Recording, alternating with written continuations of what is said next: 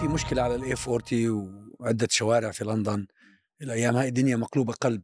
ضيوفنا تأخروا ما زلنا بس على ما يجوا خليني أحكي لك عن اللي قرأته في نيويورك تايمز أمس في عدد نيويورك تايمز في مقال طويل. مقال تقرير. هو تقرير ومشتغلين فيه يمكن حوالي خمسة ستة من صحفيينهم. يعني مراسلهم في تركيا مراسلينهم في المنطقة مراسلتهم حتى في مش عارف في أمريكا اللاتينية. كلهم مجتمعين. عاملين تقرير طويل بدهم يثبتوا فيه أن هجوم السابع من أكتوبر خططت له حركة حماس مع معرفتها بالتكاليف الباهظة التي ستترتب عليه. وطبعا هم بيصيغوا الحديث وطبعا المقال طويل 3500 كلمة بنتكلم عن ثلث رسالة ماجستير تقريبا. في حقائق لا نزاع عليها ولكن هذه الحقائق التي يريدها التقرير مغلفة بمجموعة من الخدع والأكاذيب أو أنصاف الحقائق. فبتصل الصورة للقارئ كيف؟ إنه هذه حماس لا يهمها المدنيين بشكل أو المدنيون شو بيحصل لهم. حماس كل همها إنها تهاجم إسرائيل إنها تقضي على إسرائيل ولذلك هي عملت هذا الهجوم. حماس كل همها إنها تورط إسرائيل بالدخول إلى غزة حتى تبدأ بمحاربتها في الميدان. ولا شيء عن لماذا أصلا هذا هذه المشكلة موجودة أساسا. يعني طب ليش؟ حماس أصلا ليش وجدت؟ ما فيش سؤال. الفلسطينيون وضعهم في غزة آه لماذا يفرحون بعملية مثل هذه ويوزعون الحلوى ويبتهجون بها إذا لم يكن هناك سبب يعني معنى آخر الرواية رواية نيويورك تايمز وعلى نسقها معظم الإعلام الغربي بسموه ال mainstream الرئيسي تبع التيار الرئيسي يعتمد على هذه المقاربة في الحديث عن ما يجري في غزة. المسألة هي رغبة الغرب في أنه يظهر حماس وفصائل المقاومة على أنها تفتقد أيضا للأخلاقية التي يلتف حولها الفلسطينيون. يعني من الأسئلة التي أثارها البعض ويبدو أثاروها خطا يعني أثاروها وبعدين ندموا. لكن خلاص هي طلعت. هو المسألة التي أثارها أحد مراسلي إحدى القنوات الأمريكية ال MSNBC ربما أو شيء قال من المسائل المستغربة هي أن أهل غزة أي من الناس قابلناهم. إذا كان هو مفجوع ولا وقف واقف على ركام بيته الذي تهدم أو على أبواب المستشفى التي شاهد فيها جثامين أهله لم نسمع من واحد من عندهم شكوى على من قاموا بسبعة عشرة وأنه لما قاموا بهذا وأنه ما كنا مضطرين لمثل هذه المسألة. فمن ذلك الوقت طريقة المعالجة هي في إظهار بأنه ترى حماس كان أصلا هو هدفها أنها تورط الشعب الفلسطيني وشعب غزة معها لأنه هذا ينفعها هذا يفيدها يفيد مصداقيتها في أنه شوف الإسرائيليين مجرمون وأنه ف فالتقرير اللي أنت ذكرته يعني فعلا هو تقرير طويل يعني طويل تقرأ وما يخلص تقرأ وما يخلص. هم بينقلوا هم شو بيعملوا؟ هم بينقلوا بعض تصريحات رايحين عاملين مقابلة مع خليل الحية عاملين مقابلة مع أسامة حمدان. تمام. وجابوا بعض تصريحات للسنوار سابقة. من يوم ما تحرر من الأسر لليوم. وكلها طبعا قالها أصحابها.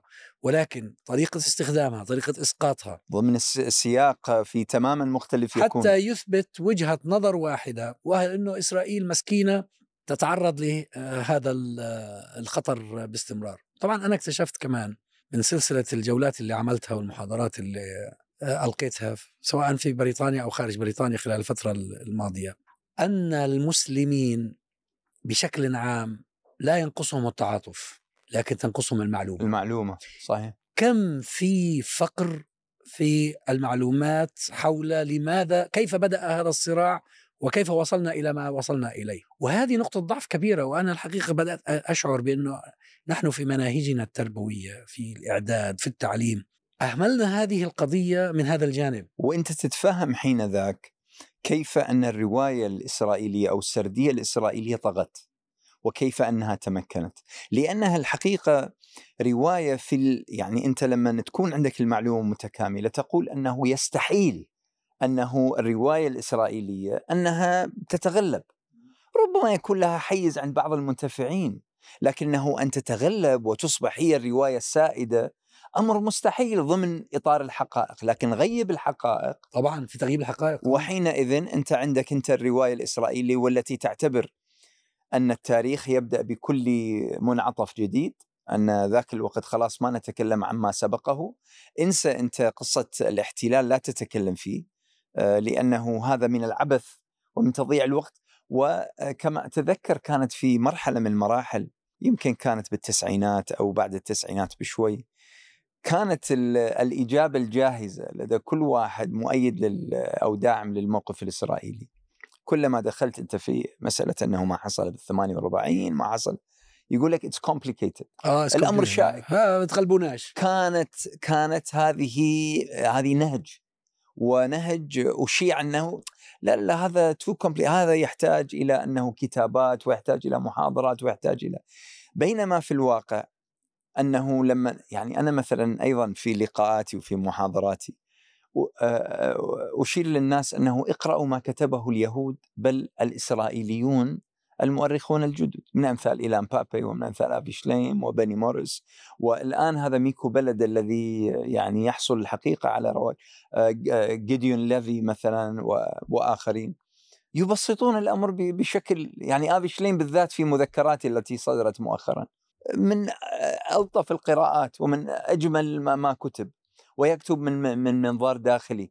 لكن فعلا إحنا المشكلة أن هذه الحشود الهادرة من العرب والمسلمين والشعوب العالم يعني في كل أنحاء العالم المعلومة الأساسية مفتقدة غير متكاملة. وهذا اللي خلى بعض من تصدروا للرواية الإسرائيلية بالتفنيد يصبحوا الآن مشاهير.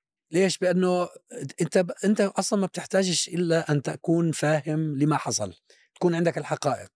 وتستطيع أن تقدم هذه الحقائق بأسلوب سهل، بعديها خلاص فيش. يعني باسم يوسف الآن صار أصبح من كبار المشاهير والأبطال. بينما الذي يقوله يعني ما هو كلام هو جايبه من الفضاء ولا لكن هي معلومات جاهزة؟ بس معظم الناس لم يسمعها لم يسمعها ولم يسمعها بهذه الطريقة. الطريقة نعم. هي هذه هذه المسألة. والحاجة الثانية اللي لاحظتها الحقيقة أنه بالرغم من أن آه، المشكلة الفلسطينية آه، ليست أولى المشكلات من هذا النوع يعني أن يكون هناك آه، غزو استعماري واحتلال استيطاني حصلت في جنوب أفريقيا في روديسيا في الجزائر. الغزو الاستعماري حصل في أماكن كثيرة أخرى. تضحيات الشعوب الهائلة من فيتنام إلى الجزائر إلى غيرها لم تتوقف إلى أن تحررت هذه الأمم. ويبدو أن كل هذا غائب. أيضا مما هو مغيب في لدى كثير من الناس بما فيهم من لديهم تعاطف مع القضية الفلسطينية. القياس على صراعات سابقة على نضالات سابقة. فذكرنا فيتنام والجزائر جنوب أفريقيا روديسيا وغيرها. وإنه كأن هذه أصبحت الآن فقط موجودة في المكتبات. يعني لا لا يقرأ عنها ولا يرجع إليها إلا أصحاب الاختصاص إلا من لديه بحث يريد أن يبحثه. بينما الحقيقة بدام الصراعات هذه موجودة. المفروض القياسات والمقارنات تكون موجودة باستمرار حتى الناس تكون تجدد لها الذاكرة فيما جرى. هذا مقصود أيضا تغييب هذه النضالات. آه، مثلا في المثال الجزائري. المثال الجزائري مهم جدا وهو مهم جدا في القضية الفلسطينية لأن إحنا 130 سنة 132 سنة بالضبط من آه، من استيطان واحتلال استيطاني ألغانا نهائيا يعني. قتلوا من الجزائريين ملايين في القرن التاسع عشر.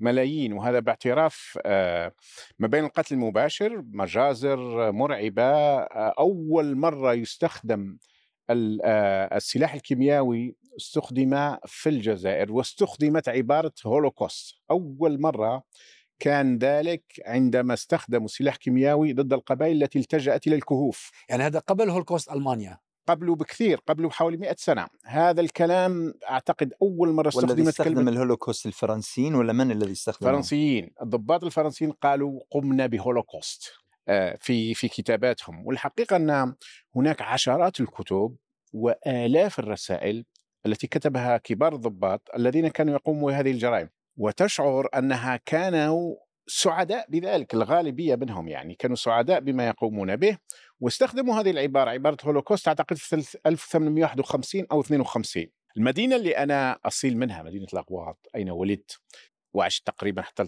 19 سنة من عمري ضربت بالسلاح الكيميائي قتل ثلثي أهل المدينة.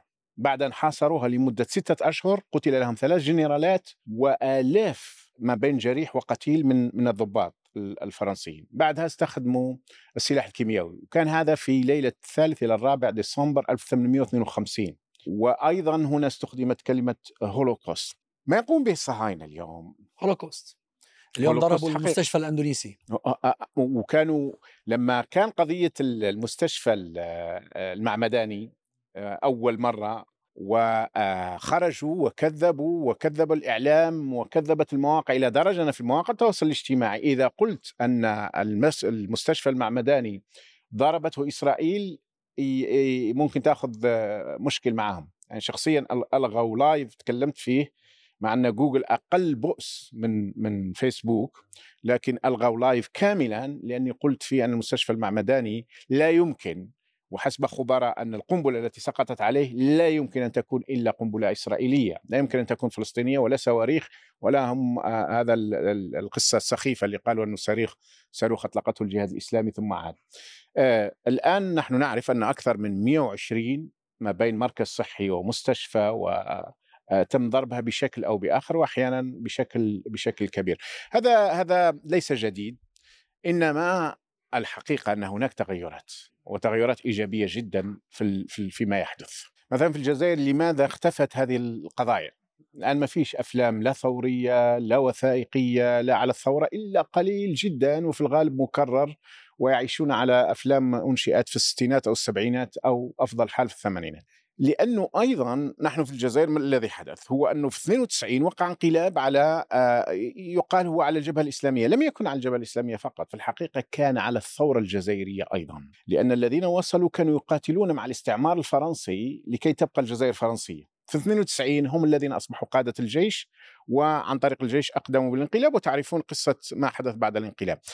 إذا لم يعد يس- لم يعد بالنسبة إليهم ذكر الثورة والتضحيات والمجازر الفرنسية وقتل الملايين من الجزائريين وتضحيات الجزائريين هذا أصبح بالنسبة إليهم مزعج يعني كان لازم لا أقل من أن تمول الجزائر فيلما مثل فيلم عمر المختار مثلا عن الثورة الجزائرية عن أحد رموز الثورة الجزائرية ما في أنا ما لا, شفت. لا وحتى آه، الثورة الجزائرية كانت تعتبر في وقتها أيقونة الثورات.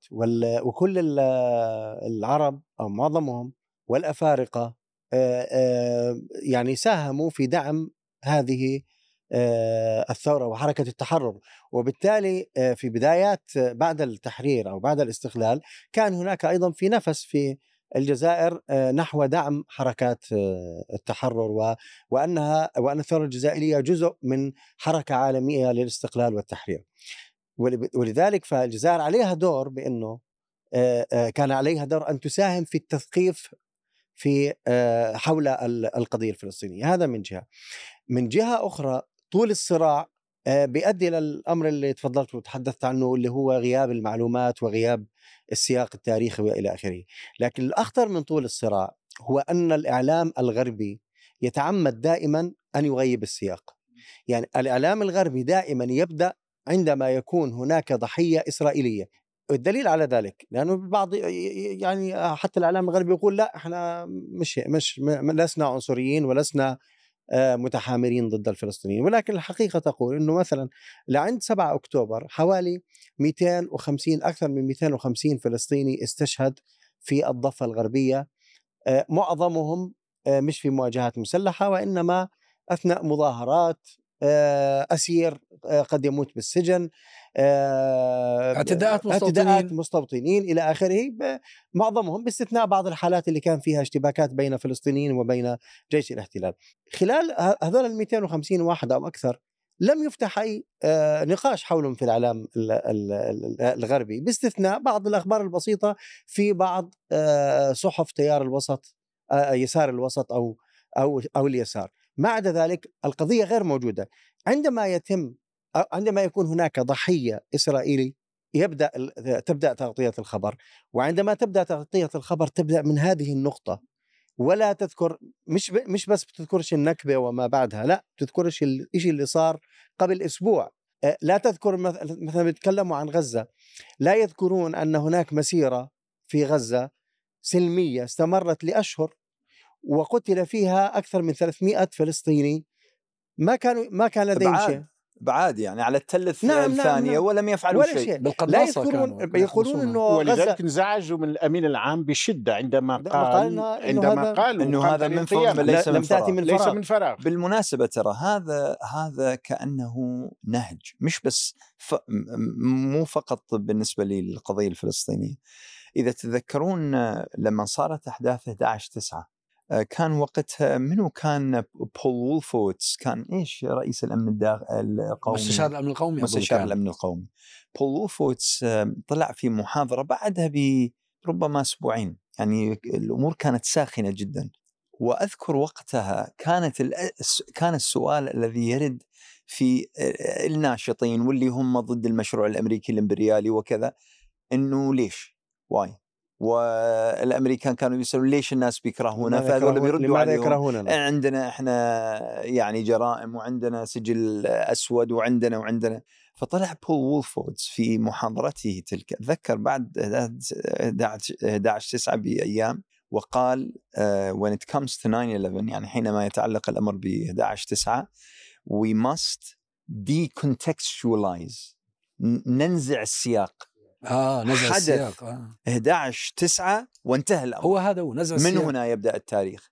فمن ذا هذه المقولة بالمناسبة وهذا النهج هو, هو نهج فكري. لا بس, بس بس هو المشكلة وين؟ إنه هم إذا فعلا هم لا يريدون صراعات يجب أن يفكروا بالسياقات، يعني هذا يأخذنا دائما للسؤال اللي بنسأله لنفسنا، هل الإدارات الغربية ومعظم النخب الإعلامية الغربية غبية أم أنها تتغابى؟ تتغابى يعني صحيح. لأنه لأنه أصلا إذا أنت بدك تتحدث عن الاستقرار العالمي فيجب أن تنظر إلى سياق الحدث. تعرف شو اللي ما الذي يمنعهم؟ الذي يمنعهم هو الكبر. هؤلاء لديهم درجة عالية جدا من الغطرسة والكبر. أشبه ما يكون بشخص فرعون. آه لذلك هم يستصغرون كل آه كل من يخالفهم.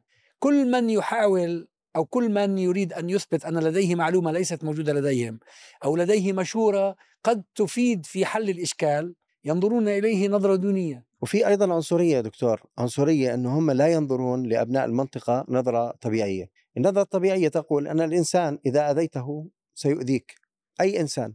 إذا قمت باحتلاله واحتلال كل تفاصيل يوم زي ما بصير في قطاع كل تفاصيل اليوم الحياة اليومية للفلسطيني محتلة. من الأكل والشرب والطب والتعليم والسفر كلها محتلة طب هو ثم إذا شكى بيكون هو الغلطان نعم يعني نعم، بيكون هو نعم. الناكر الجميل كيف إنه يعني أنت ترى الرواية الاستعمارية الكولونيالية البريطانية آه، كانت الحقيقة لما تقرأ آه، يعني في شعور حقيقة إنه يا أخي هذول ليش مش ممتنين لنا؟ لماذا؟ لماذا؟ زي العبودية أيضا آه. العبودية كان يقال عن العبودية غير الاستعمار. العبودية كان يحشد لها طبعا لغة دينية و يعني تبرير ديني. وكان يقال بأنه إحنا بدنا نحضرهم يعني بمعنى حتى نرجعوا إلى الحضاره تبعنا هذا هو الشعار اللي رفع في الاحتلال الجزائر كانوا يسموه المهمة الحضارية نعم. نعم. نعم. نعم. هم قالوا إن هذه شعوب همجية بربرية يقومون بالقرصنة طبعا الجزائر أي يومها كانت قوة بحرية حقيقية يعني كانت قوة بحرية ضاربة. والعالم يومها كان هو عالم من يسيطر على البحار. وكانت البحرية الجزائرية آه، طبعا بوجود الدولة العثمانية وحكم عثماني لكن كانوا في كثير يسموهم رياس البحر. رياس البحر هؤلاء سواء كانوا of the sea. إيه نعم. فطبعا التوصيف الغربي لهم أنهم قراصنة. هم يقولوا لا نحن لسنا لما كانوا يح... الأمريكان يحاربوهم أظن في البحر قامت قامت حروب ما بين مثلا في ليبيا أيضا بالمناسبة مثلا درنا. درنا هذا الذي حدث فيها الزلزال مؤخرا واللي قبل الزلزال دمرها حفتر دم تدميرا هائلا. وقتل بالمناسبة قتل الذين كانوا يقاتلون داعش داخل درنا يعني. قصدك الفيضان الفيضان اللي صار. الفيضان مش الزلزال. الفيضان اي الفيضان قبل لكن حفتر كان كان دار الزلزال هو زلزاله الخاص يعني.